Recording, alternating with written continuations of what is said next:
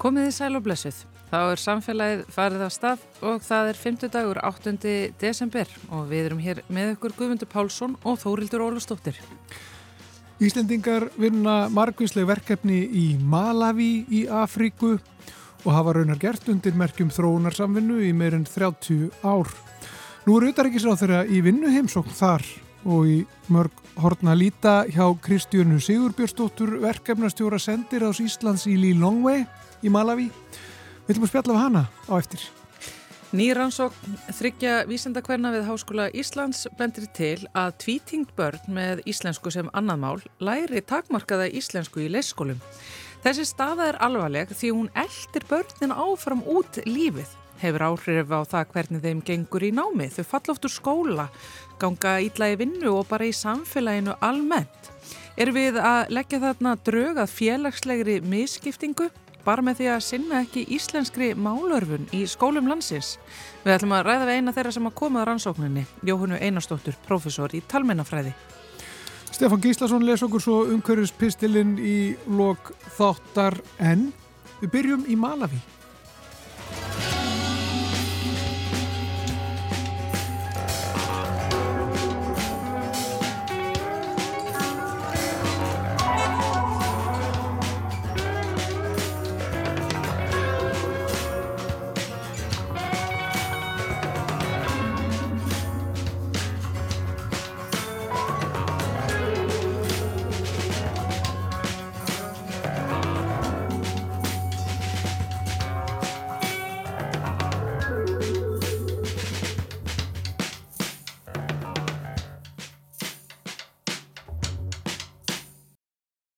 Þessa dagana er Þórdís Kolbrún Reykjörg Gilvardóttir utaríkisar á þeirra í heimsókn í Malawi í Afriku þar sem Ísland hefur tekið þátt í þróunarsamvinnu undarfærin ár og ja, ára tugi raunar.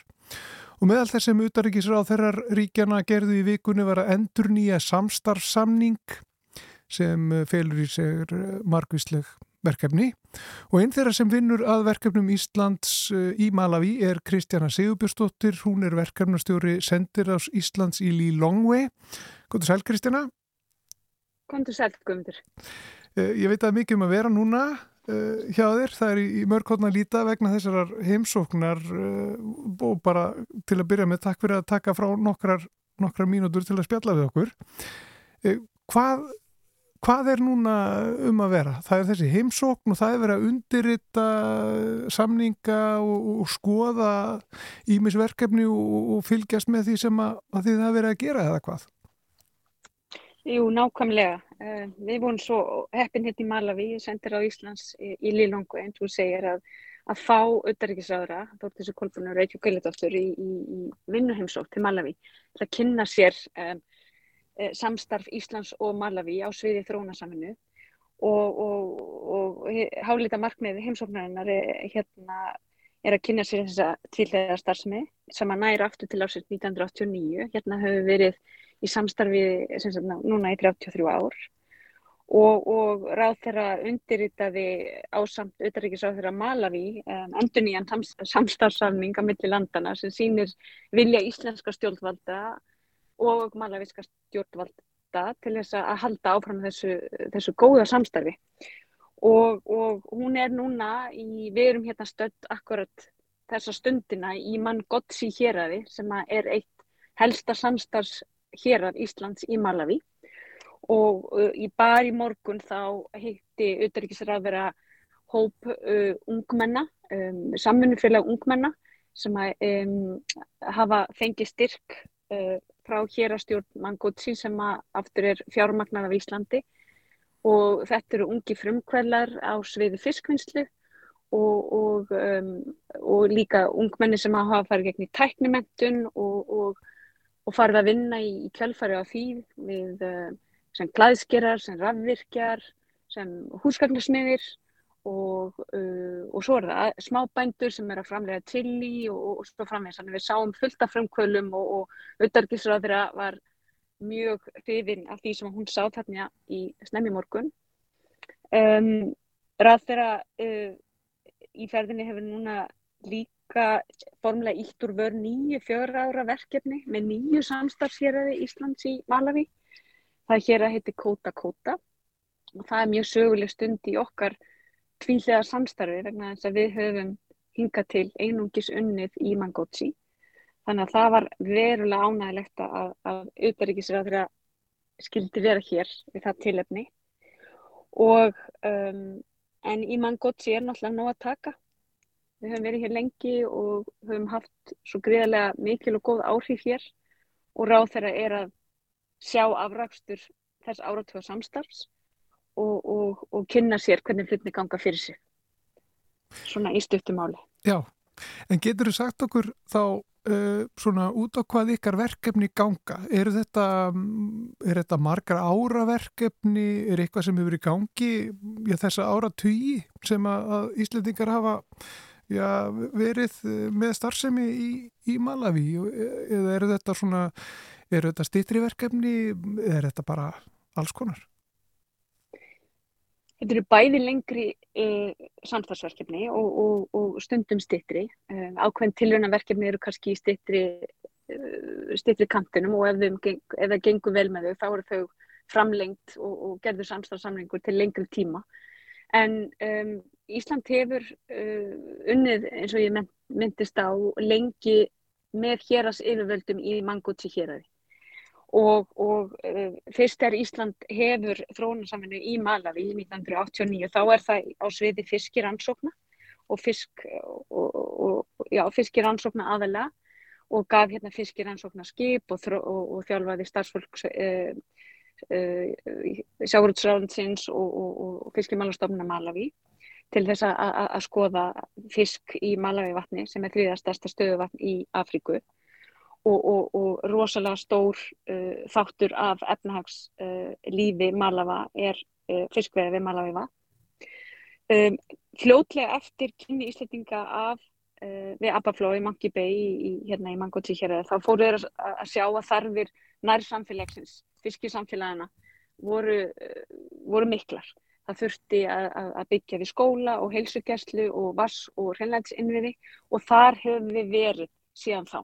Þannig að það mæla að segja að Ísland hafi verið á þessum fjórum sviðum í þessa þrjá áratvíi og, og hérna, við erum að sjá greiðlan árangur af því, því langa og, og gjöfulega samstarfi. Síðast að áratvíin hefur við beint fjármunum eða svona stærstu hluti e, íslenska þróunarsaminu í Malawi fyrir gegnum hérastjórn Mangótsi héras til þess að aðstóða e, yfirveld þar við að uh, veita grunnþjónustu við íbúa sína á sviði heilsugjæslu, mentamála, vass og hreinlandis innviða. Og, og þar snýst stöðningur um að byggja skólastofur, byggja kennarahús, byggja klósett, byggja heilsugjæslur og, og, og um, manna þær uh, í ákveði langan tíma þar til að stjórnvöld taka yfir starfsfólkið og setja það á sína launaskrá, uh, setja tæki og tól og húsgögn inn þannig að starfseminni sé borgið. Við höfum líka stutt við þjálfun á, á, á um, heilbyrðstarfsfólki og kennurum. Þannig að uh, við erum með svo kallaða héraðsnálgun sem við beitum hér og í, líka í samstagsíki okkar Uganda. Þar sem við erum að byggja upp getu héraðsyfirvalda við að veita þessa grunnþjónustu og hún skila sér svo aftur til lengri tíma. Það er ákveðin sjálfbarni sem er þar að leiðaljósi um, og, og, og að skilja eftir innviði þegar þarfinnar eru svona gríðarlega miklar. Malawi er eitt af tíu fátækustu ríkjum heims. En þannig að, að hér uh, höfum við verkavinna. En við sjáum líka þegar við höfum lagt okkar að mörgum að þá mingar maður á ungbarnadauði. Um, konur hafa frekar aðstöðu til þess að far, hafa viðegandi eh, fæðingar aðstof ekki svo langt frá heimilinu síðu. Þegar vassbrunnar eru byggðir nálagt þorpum og heimilinu fólk, svo þarf fólk að ganga og konu sérstaklega um, stýttir í vegalengdir til þess að, að ná sér bara í grunnþarfinnar vatn og, um, og börnum í skólum hefur fjölgat, þau eru betur nærð og, og þau sitja skóladaga, þau klára skólárið og þau útskrifast frekar. núna var að rétt áðan þá var utaríkisráð þeirra okkar í heimsókn hérna í skóla rétt hjá. Og þar eru heimaræktar skólamáltíðir uh, gefnar.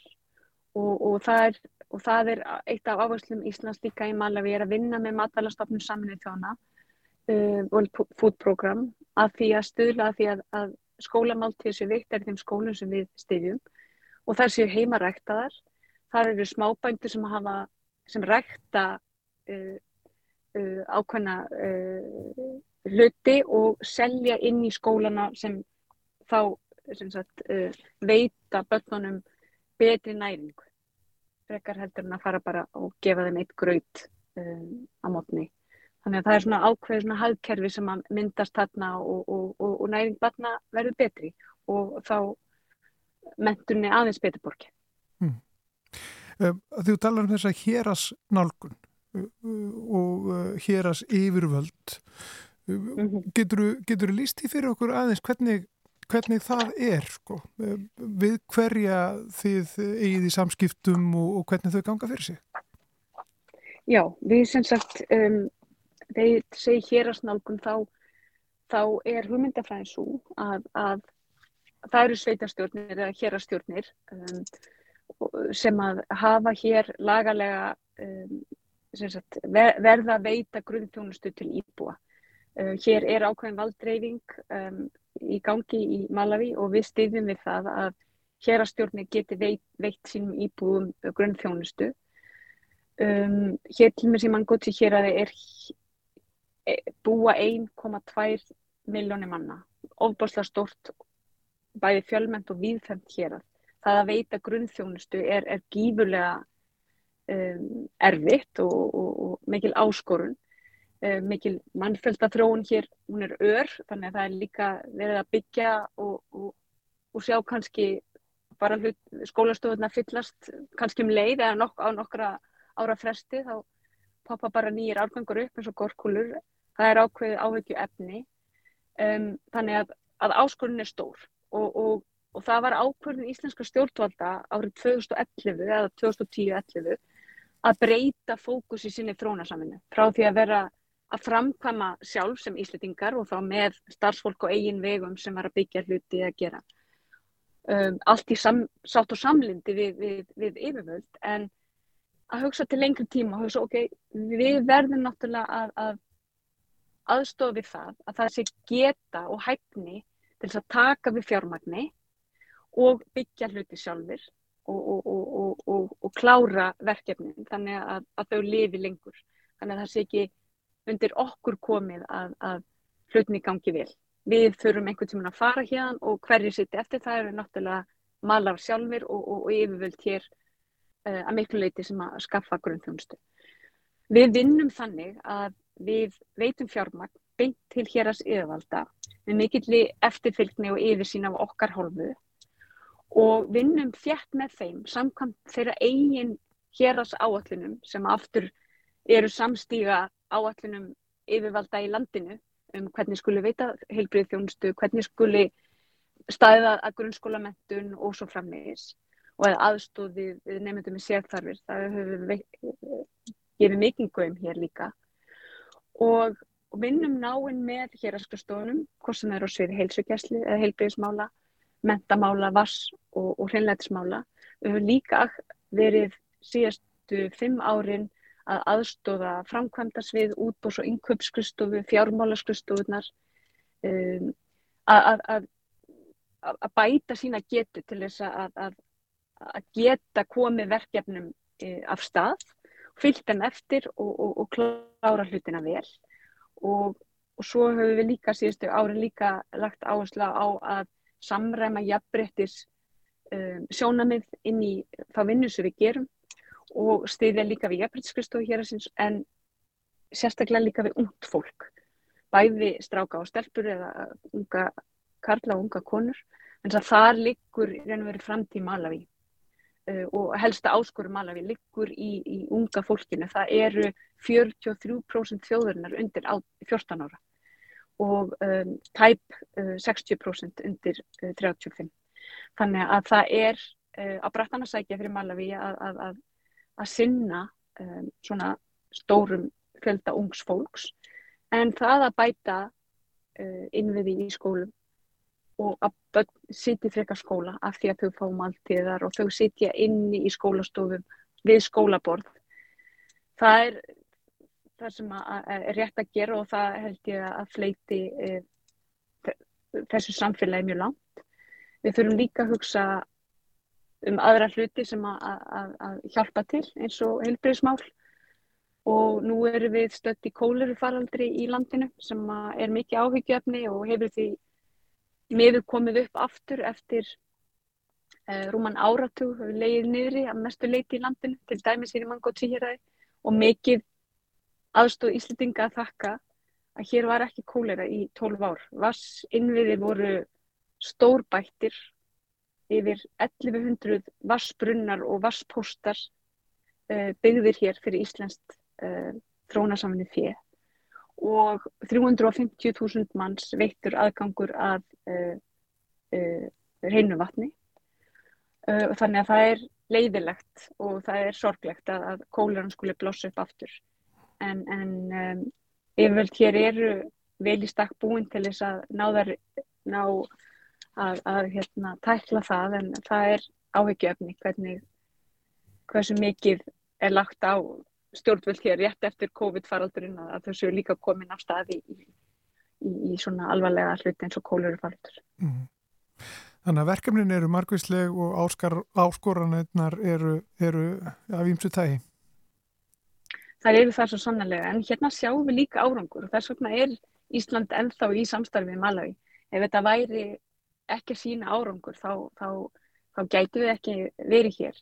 Auðvitað finnist okkur að árangurin mætti vera hraðari en, en þetta er ekki Ísland, þetta er Malawi og við verðum náttúrulega að skilja það upp á einhverju marki.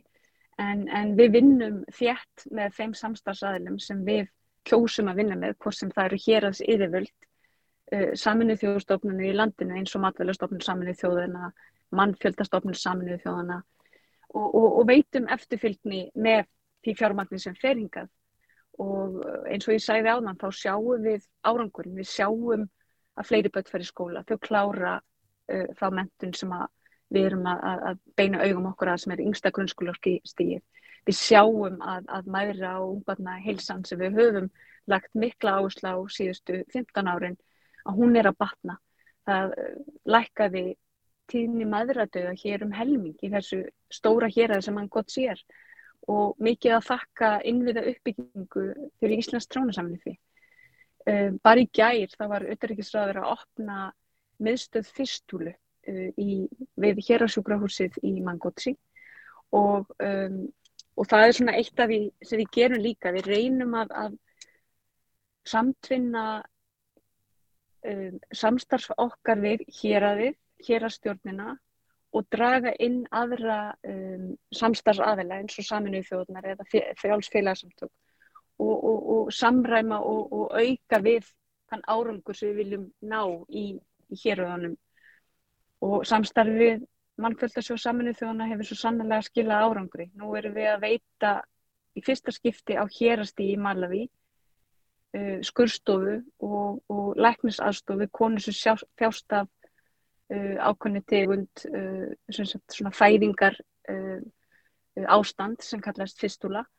Um, það geta komið þá hérna hér að sjúkrásið og fengja aðstof það þurfum ekki að fara í fjóra-fimm klukkutíma ferðalag til höfuborgarinnar og, og, og, og fá það þjónustu þar, þannig að við erum stolt af því að geta aðstofa næst starsta hér að fjölminnista hér að Malawi á svona stóran og, og, og mikilvægin hátt eins og við höfum verið að gera.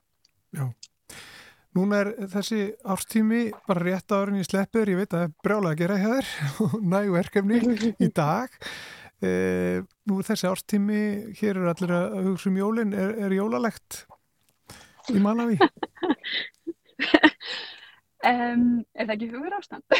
Já, jú, er það ekki? Hér, já, jú, hér er þeir eru komin jól í huga mjög margra, hér er 35 steg hitti og ég sitt bara og svitna. Og það er alveg jólastæð mikið sjálfur sér, en jújú jú, það, það er, hér halda mjög margir upp á jól og, og mikið hluti þjóðurna Kristinn og, og já, það er komin ákveðin jólastemming. Það var ákveðin jólastemming að fá auðvitaðriksræðura og hennar fylgdarlið í, í heimsók til okkar hér í sendir á Íslands í, í Leilangvei og, og hérna, og já, það er, hér er jólastemming, hér er góð stemming að það. Ég fyrir að ég finnst þið þetta. Já. Við skulum ljúka þessu svona. Eh, Kristjana Sigurbjörnsdóttir, verkefnastjóri Sendir ás Íslands í Lílongve í Malawi. Eh, þakka þið fyrir að gefa þið tíma til að tala við okkur og, og bara bestu hver til ykkar. Takk helga og ég skilar því svo sannlega.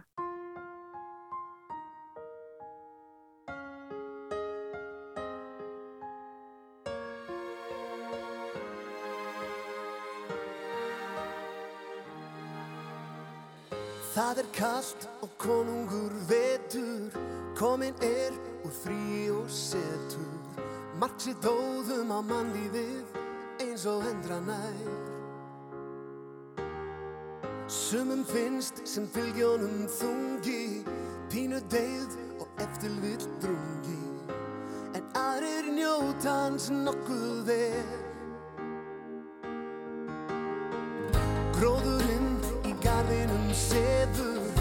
Fram á vor og skamdegi hefur. Tekið völdin og hjúpað allt, æfintýra blæð. Þó að dagarnir séu ekki langir og frostið fari að býti kinn Þá er ljósa tíð í vændum fyrir barir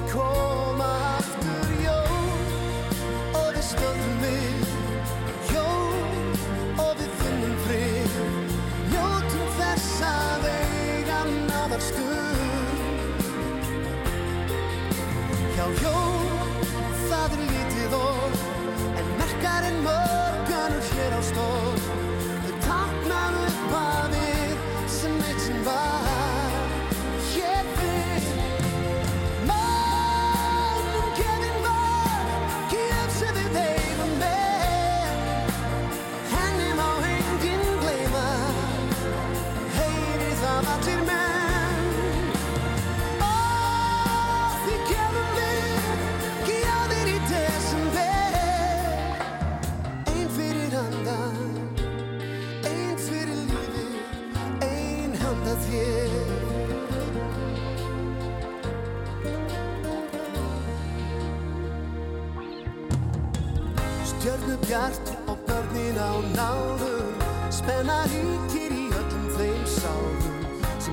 hafa langa hríð eftir morgunum. Hjörtunur að slá í hverju brjósti Eftir vænting í húsunum. Því það er gleði tíð í vændum. Fyrir barið koma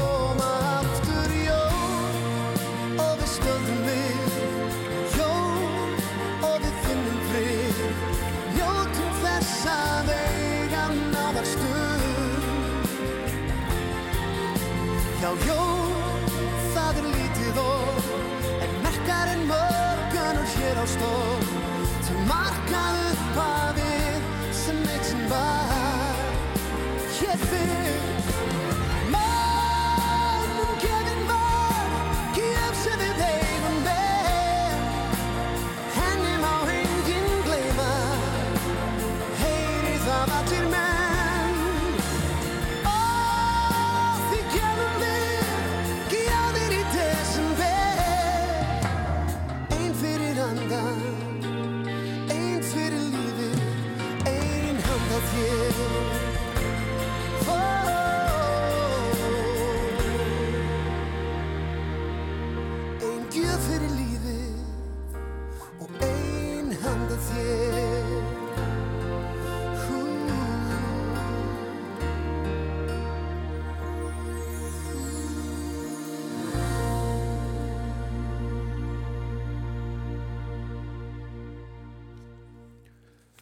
Stefán Hilmarsson, barna á ferðinni með jólalag Ein handa þér.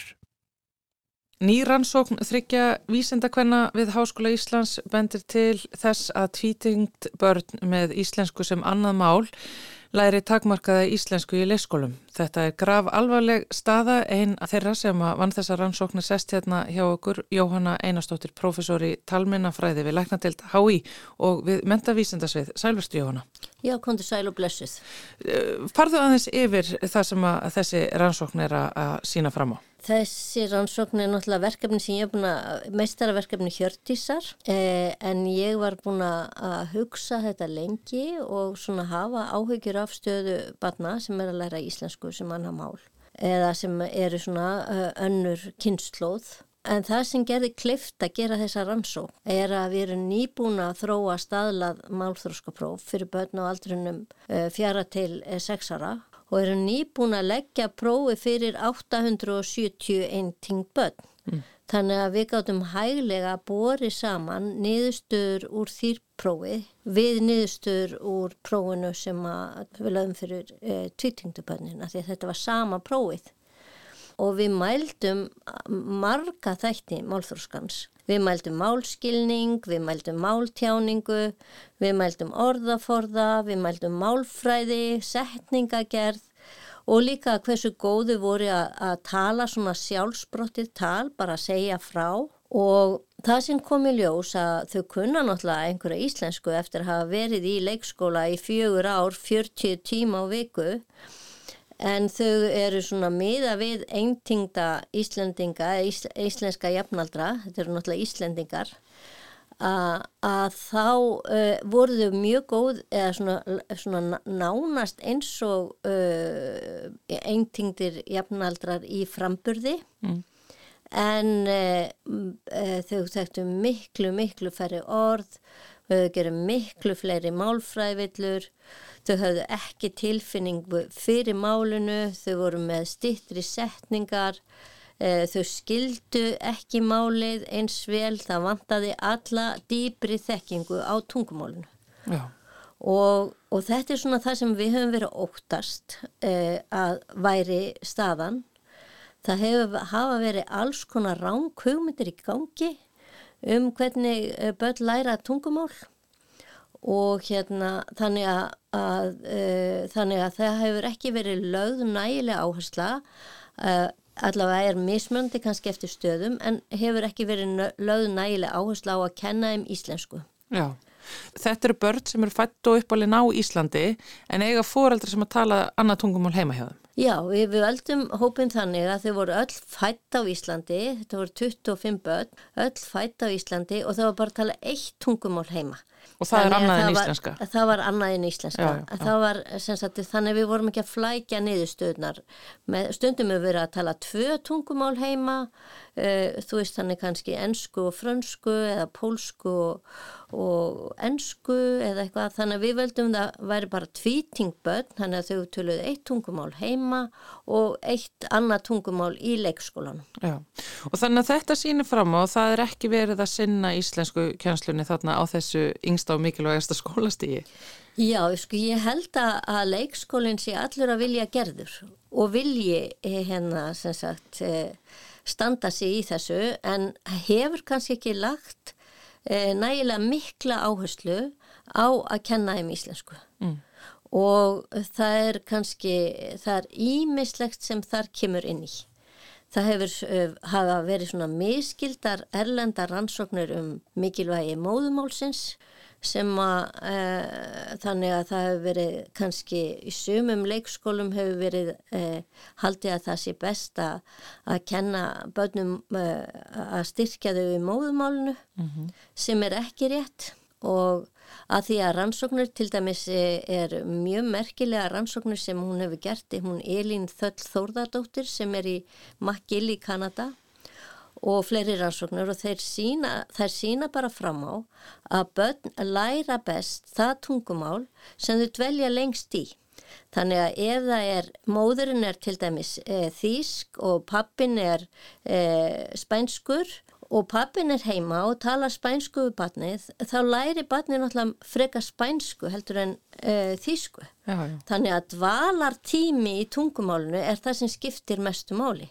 En, en af því að börn velja svo mikið á leskólanum, okkur gildir það ekki svona mikið? Já, það er náttúrulega það, er náttúrulega það sem er hrikalegt við þessa niðurstöður að hérna uh, og það er nefnilega sko oft verið miskilningur að halda að það þurfi ekki að örfa tungumáli sérstaklega. Þau læri máli bara sjálfu sér. Það sé annað heldur með lestur. Að það, þau þurfu að kenna börnum að lesa sérstaklega en við þurfum ekki að kenna um orð eða setningar eða skilja málið. Þau, þau þetta kem bara frá þeim sjálfsbrottið. Svo er það náttúrulega þannig að börn sem tala mikið þau fá mikið þau fá mikið frá umhverfinu.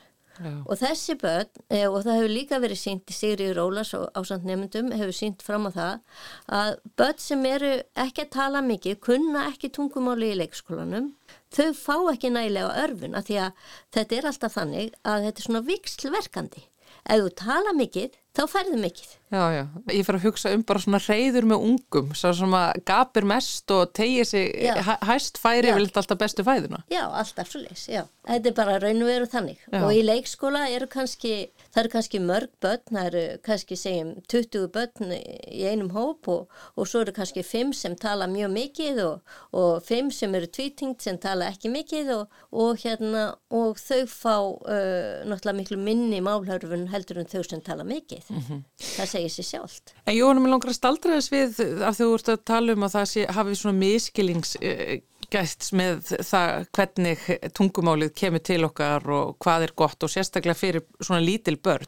Það er oft, hugsa bara, börnir með svo frábæra heila, þau geta tekið utan þessu ofsalega mikið, þau málstöðuna þeirra eru svo opnar og það sé bara frábært að vera tvítingdur eða þrítingdur, því fleiri tungumál sem er í kringu þig þegar lítill bara því klárar í verður. Já og það er sko hluta til náttúrulega rétt e, þannig séð að e, því börn eru góð í að nema framburð og hrinnjanda þau ná því vel og í raun og vera er ekkit slæmt við að, að þau læri fleirin hérna þau læri eitt eða tvö tungumál, þau, þau ná aldrei tökum á, á hérna á mjög mörgum tungumálum, ekki þú veist þrjú eða fjögur, þrjú kannski allt í lægi en fjögur er eiginlega og mikið. En, eh, en þetta er sem sagt, en þau þurfa bara að vera sterk í einu tungumáli. Sérstaklega tungumálinu sem er í skólanum þeirra. Já, einmitt, það er skólamálið þau þurfa að kunna samfélagsmálið eða skólamálið til að komast í gegnum skóla.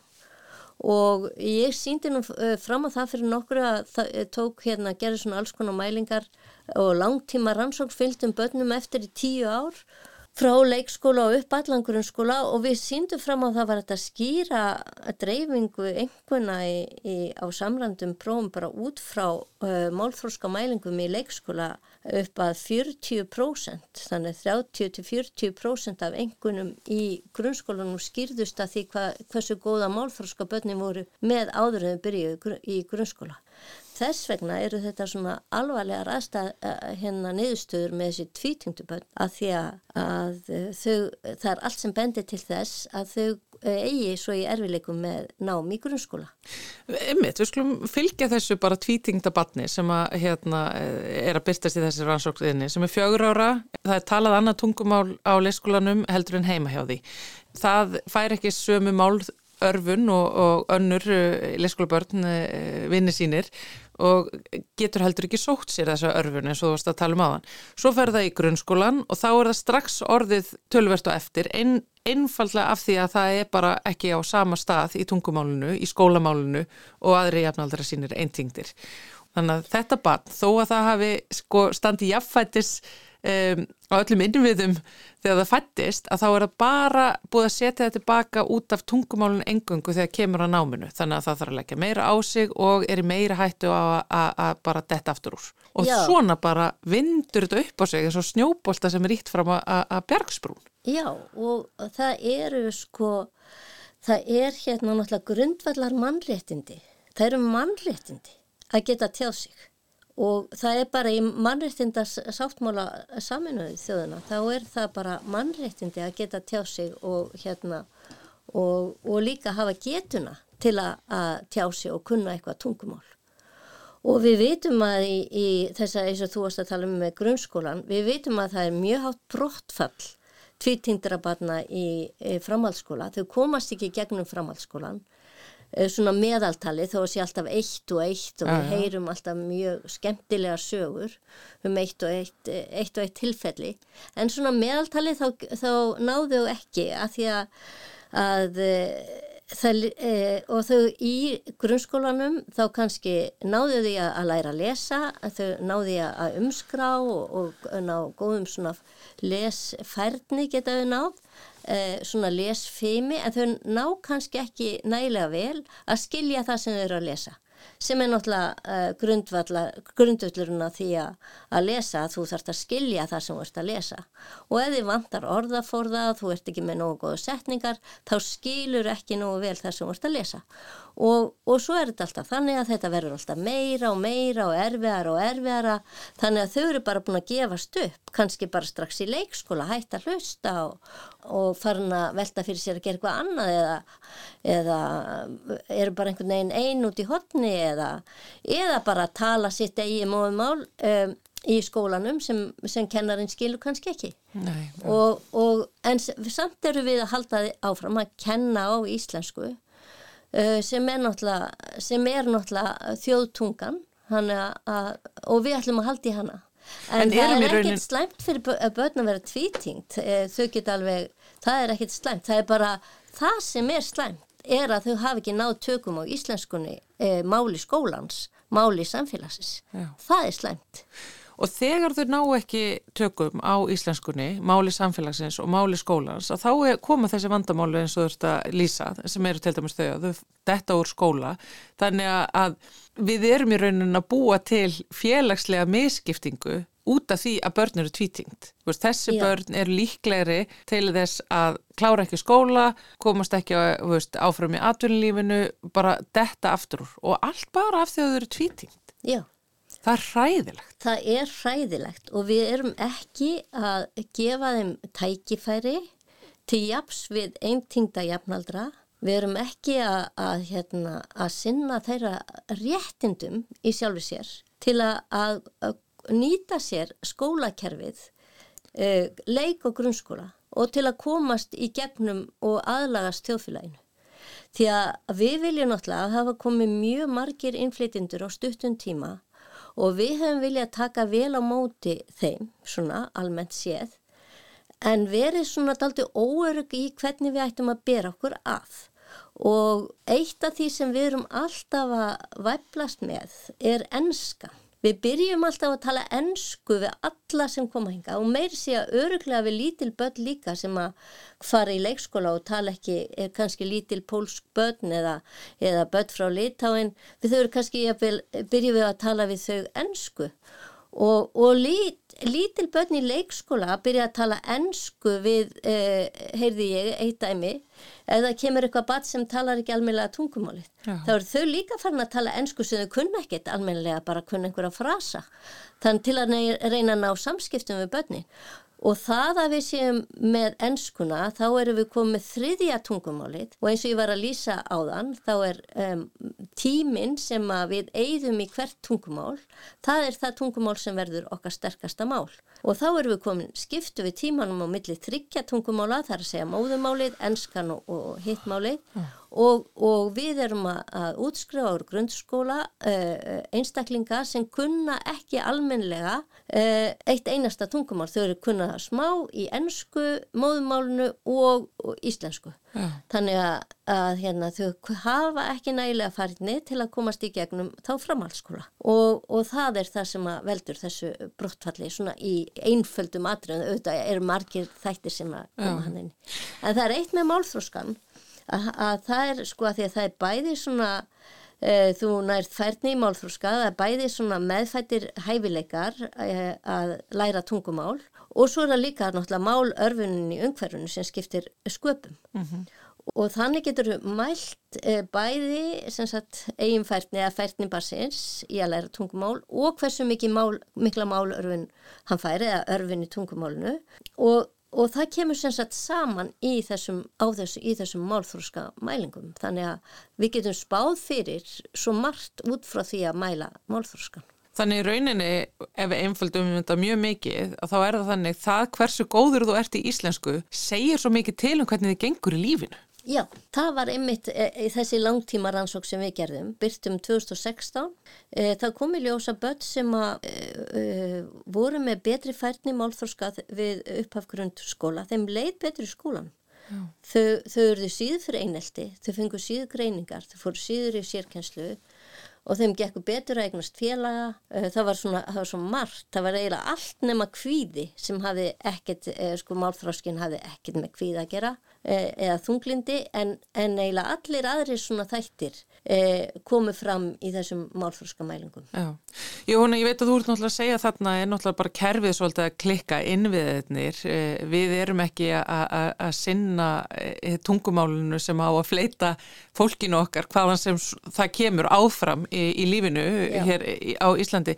En ég líka bara ég fæ alveg svona illt í hjarta þegar ég er að hugsa til dæmis um bara pólsku hjónin sem að kom flytja hinga til lands og tala eðlega bara pólsku sín og milli heima hjá sér en búa hér á Íslandi og starfa hér og senda barnið sitt í, í leskóla og heyra þetta að það að setja barnið sitt í þá stöðu að það heyri bara pólsku heima hjá sér að það sé mögulega eiðilega fyrir því í framtíðinni. Þetta er svona, þetta, þetta, þetta er aldrei erfitt, já, erfitt að meðtaka sko, þetta er erfitt að heyra þetta sem fóreldri. Ég myndi náttúrulega aldrei mæla með öðru heldur en pólsku fóreldrarnir töluðu pólsku við barni sitt heima. Það er náttúrulega bara grundvallar mannréttindi hjá því sko, að, og líka að barni kynist pólsku og pólsku menningarheimi og, en skólinn hefur bröðist þessum bönnum. Já, þetta er ekki áfællistómur yfir þessum heimilum sem að tala náttúrulega bara alls konar tungumál og eiga að gera það og, og, en þetta er Já. bara skólakerfið okkar. Þetta er skólakerfið. Já.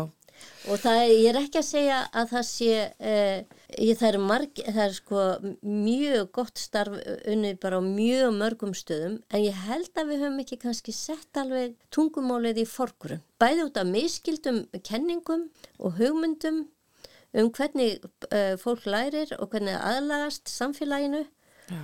og þú getur ekki eh, eignast vini eða E, svona allavega þegar þú er komin kannski í leikskóla kannski en e, nema kunna í málinu, tungumálinu þú veist, þú skilur ekki e, brandara þú, þú ert erfitt með, þú veist, það er svo margt sem tungumálið Allir sem hafa búið erlindist ekki þetta sko? Já, já, já, já. og auðvitað getur maður eignast vini en, en, en það er svona tungumálið er tæki til, til að komast í samskiptið í fólk Já Þetta er rosalegt að heyra að lokum, Jóhanna, þetta er náttúrulega eitthvað sem er þekkt í öðrum löndum og, og hefur verið tekið á, ekki satt, við erum eftir á.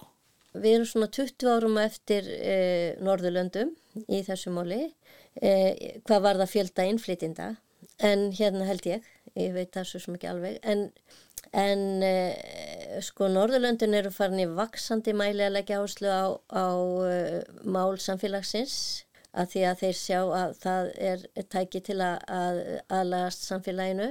Við erum sko í þessum mælingum, þessar mælingar á þessum börnum hana í þessar rannsók sem við gerðum hana og hjördis meistarverkefni hennar, þá eru þau meira á eftir heldur en þekkist í öllum svona tvítingis rannsóknum annar staðar. Því að þau eru svona meðaltali e, næstu þremur staðalfráikum frá meðalgetu jafnaldra sem þýðir að um 90 og 8-9% af eintingdum jafnöldrum eru með betri málþróska wow. en, eh, en erlendist þá eru þau eru náttúrulega eftir eða lagt fyrir stöðlupróf en þau eru ekki svona mikið á eftir. Þau eru kannski einu staðal frá ekki frá meðalgetu jafnöldra sem þýðir að það er já, svona 80% sem eru betri Þannig að við erum í verri stöðu og lengra á eftir heldur en Norrlandinu. Já, það verður að byrja strax og ég er smá aukandi að ég sé ekki að, að ríkistjórnin hafi e, veitt neinu fjármagni í að, að kinda undir og, og bæta íslensku kennslu. Þessu hefur verið svolítið ítt yfir á, á fyrirtækin og, og, og auðvitað er það mjög fínt ef er sami um það Uh, að því að ef þú kemur hérna sem pólst fórildri og, og átt bat sem er í skóla, íslensku skóla þá þarf þú náttúrulega að kunna einhverju íslensku geta, til að geta hjálpa batninu með, með skólanámið heima og, og þú þarf líka náttúrulega til að aðlæga samfélaginu.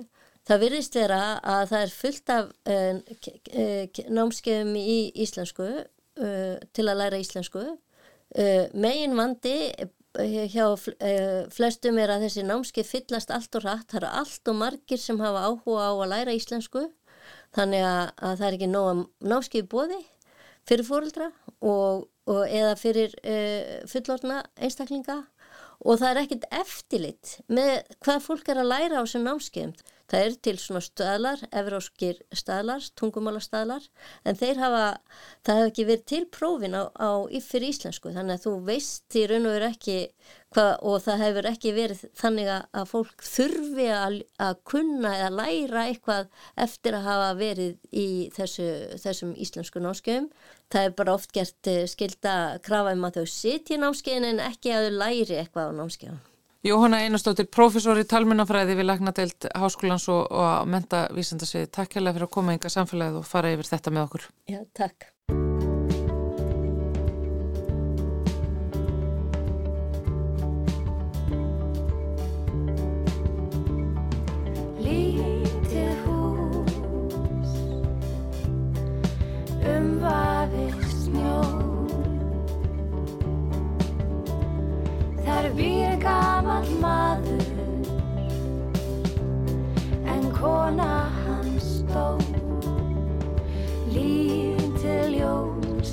Í frostþögtum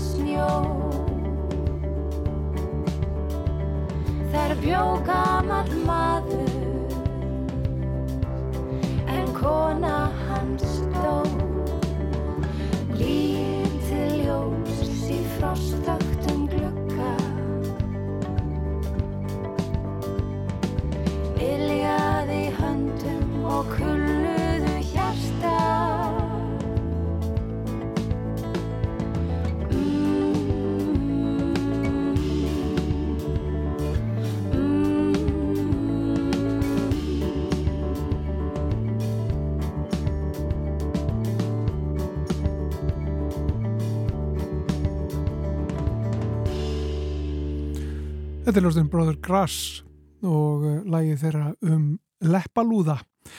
En næst ætlum við að leipa Stefáni Gíslasinni að. Nú stittist í jólinn og hvort sem okkur líkar það betur eða verð eru jólinn líklega mesta neysluvertið ársins, já að jafnvel óþarfa vertið. Með orðinu óþarfa vertið á ég þó ekki við að þessi vertið sé óþarf út af fyrir sig heldur einfallega jólunum hætti til að vera vertið óþarfans. Í hvert sinn sem við kaupum eitthvað eða gerum eitthvað stöndum við frammi fyrir vali. Við getum sannsagt valið hvort það sem við kaupum eða gerum sé skadilegt eða gaglegt fyrir umhverf og samfélag. Auðvitað er þetta ekki svartkvitt val því fátt er jú alveg skadilegt eða alveg gaglegt. Máli snýst fyrst og fremst um að velja það sem gerir meira gagn eða veldu minni skada en einhverjir aðri valkostir. Reynda snýst þetta ekki bara um það sem við kaupum og gerum heldur líkum þar sem við kaupum ekki og gerum ekki. Stundum er nefnilega betra fyrir umhverf og samfélag að kaupa ekki eða gera ekki. Í stóra samhenginu skiptir vissulega meira máli hvað við gerum millir nýjárs og jóla heldur en hvað við gerum millir jóla og nýjárs. En vegna þess hversu mikil neyslan okkar er í aðdraganda jólana og líka vegna þess að svo neysla snýst að talsveru leitum öðruvísi vörur en við neytum öðrum árstímum þá liggja meiri tækifæri í jólunum en í flestum öðrum ástíðum. Það er að segja, tækifæri til að láta gott af sér leiða í stað þess að valda tjóni eða með öðrum orðum tækifæri til að vera frekar hluti af lausninni en hluti af vandamálunu.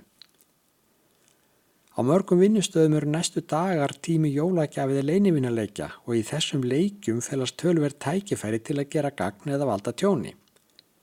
Svona leikjum fylgir meðal annars svo hætta að fólk siti í leikslokk uppi með dót sem það hefur ekkert með að gera. Þetta dót kostaði sjálfsagt litla peninga en er hámars upphæðin stundum tilgreind í leikreglunum. En áhrif dót sinns á umhverfar samfélag er ekkit endilega réttu hlutallið verðið. Í þessu gildir svo einfalda regla að dót sem maður hefur ekkert gagnaf gerir ógagn og sama áreynda við um jólagjafir. Sjálfur hef ég farið á leið að taka aldrei þátt í svona leikjum. Ég hef bara aldrei þórað að viðkennað ofinberlega fyrir núna, en það gerir ráð fyrir að þetta teljist andfélagslega hegðun. Og auðvitað eru til mildari leiðir til dæmis að fólki sem tekur þátt gefi hvert öðru eitthvað matarkins eða eitthvað annað sem munu öllum líkindum nýtast. Sjálfum finnst mér til dæmis allt í lægi að gefa eða þykja pakka af lífrænt vottuðu öllgrei tei með stimpli ferðreit samtakana. Allt snýst þetta um lífskeið okkar sjálfra, um lífskeiði fólks í fjarlæga löndum og um lífskeiði komandi kynnslóða. Það eigur korki lífskeiði mín, nýja lífskeiði þeirra sem á eftir mér koma, að ég eigi fullt að drastli þeirri drefst. Og það er frekar ólíklegt að tepakkin sem nefndi verið hluti að því drastli. Auki jólaleikjana sem fyrir voru nefndir einkennist þessi árstími meðal annars af því að jólasveinarnir gefa börnunum gjafir í skóna sem við setjum til glukka. Þær gjafir, rétt eins og allar aðrar gjafir, geta hvort sem er verið gaglegar eða skadlegar. Ég ætla samt ekkert að fjölirðan þetta hér þar sem ég efast um að jólarsynirinn hafi tíma til að hlusta útvarpið mitt í þessari mestu vinnutörn ársins. Auk jólakjafaleiki og skókjafa félast fjölmörg tækifæri í jólunum og aðdraganda þeirra þar að segja tækifæri til að láta gott að sér leiða í stað þess að valda tjóni. Sum þessara tækifæri að liggja í jólaskrautinu. Í þeim efnum ættu þau okkar sem vilja lámarka neikvæða áhrif sín og samfélag að nota fyrst og fremst það sem er til og kaupa sem allra minnst af nýju skrauti. Og ef eitthvað af nýju skrauti verið keift eftir sem áður þá líklega regla nummer eitt að sleppa öllu glimmeri. Glimmer er alla jafn ekkert annað en plastagnir og sá hluti þess sem endar til dæmis í ríksugun eða þvóttavelinni endar auðvitað ekkert þar heldur fara þess að plastagnir út í sjó eða einhvert annað út í náttúruna og geti þetta aðveikum þvælst þar um næstu þúsund árin og ekki viljum við það. Svo er enda líka þjóður á að reyna að sniðkanga allt í ólaskrautur plasti, ekki bara vegna þess að plast er allega jafn og oljuafurð, heldur enn frekar vegna skadan sem þetta plast getur valdi í náttúrunni löngu eftir að það hættir að vera jólaskraut. Kertaljós eru mikilvægur hluta jólahaldin og þá skiptir mála að velja kerti sem fara vel með umhverf og heilsu. Einfaldasta leiðin til að velja réttu kertin hvað þetta varðar er að kaupa svansmert kerti, þar að segja kerti sem byrja norranna umhverfismerkið svanin. Slík kerti fast í mörgum verslunum og myndu eflust fast í öllum þeim verslunum sem á annar borð selja kerti ef viðskiptafinitni myndu gera kröfu um það. Til þess að merkja megi kerti með svaninum þurfa minnskosti 90% ráefnana að vera endur nýjanleg sem þýðir að ólíukerti eins og ég kýsa kalla þau fást ekki vottuð. Með ólíukertum á yfir kert úr parafíni sem er dæmigerð ólíuafurð og er ef til vill enn sem komið er algengasta ráefnið í kertum í íslenskum búðarhillum. Með því að kaupa svansmert kerti getum að líka verið vissum að ekki hafi verið notu pálmaólíja í framnæsluna, auk þeir sem ilmefni eru ekki leifð en það getur þau verið ofnamisvaldandi. Nokkur önnur óhóll á mengandi efni eru líka á bannlista og eins eru gerða kröfur um hámarks sótmengun. Svansmert kert eru allægafna gerðu stearíni sem er endur nýjanlegt efni meðal hans framleitt úr sláturúrgangi og öðru efni sem annars færi til spillis. Stearínkert eru þeim eiginlegum gætt að þau ósa ekki, sóta ekki, renna ekki niður og bogna ekki. Þarna sem víðar fara saman hagsmunur umhverfis og heilsu því að kertar ykkur frá oljukertum hefur engar slæm áhrif á heilnami inniloftsins sem við öndum að okkur um jólinn. Það er náttúrulega ekkert jólulegt við að kveika í ólíu inn í stofu, auk þess sem við brennsla einu græma af parafíni losna á að giska 3,14 gram af koldíóksi út í andrusloftið. Vissulega losna líka koldíóksi við brennsla svansmertum stegarinkertum en það koldíóksi er bara hluti af henni náttúrulegu kólumnisringrás. Aðdragandi jólan á jólinn sjálf fel í sig mörg tækifæri um þann þau sem hér hafi verið nefnd. Ég á til dæmis alveg eftir að tala um jólatrén. Það sem best verið að kaupa lífrænt votta lifandi tré úr næsta nákrenni. Plastjólatré er hins vegar ekki góður kostur nema náttúrulega ef slíkt tré er þegar til staðar þá er bara um að gera nota það sem lengst. Og svo er ég líka eftir að tala um val á jólagjöfum þar sem mestu skiptir að gefa ekkert sem viðtakendin hefur enga þörf fyrir. Og jólamaturum verður líka alveg út undan í þessum pisli. Þar skiptir máli að reyna að auka hluti júrtafæðis að kostna dýraafurða og svo fyrst og fremst að kunna sér hóf til að halda matarsóun í lámarki. Einleið til þessi reyndar að bjóða vinum og ættingum í afgangavislu dagana eftir jól. Þar geta gestirnir jafnvel mætt með afgangana sína endur að afgangar á jólaborðum fólks fjölbreyttar en margir halda. Og fyrst ég byrjar að tala um matarsóun þá líka allt í lagi að hafa það hugfast um jólinn að ofátt er í raun og veru líka matarsóun. Um leið og átt breytist í ofátt verða nefnilega álitamál hvar mörkin liggja á milli ruslatunnunar og eigin líkama. Saði Stefán Gíslason, umhverfur stjórnunarfræðingur í sínum umhverfispisli þennan 5. daginn. Já, og uh, með því líkur samfélagi dagsins. En eh, við komum nú alltaf aftur, við gerum það bara á morgun, förstu dag klukkan 1 og segjum þanga til. Verið sér.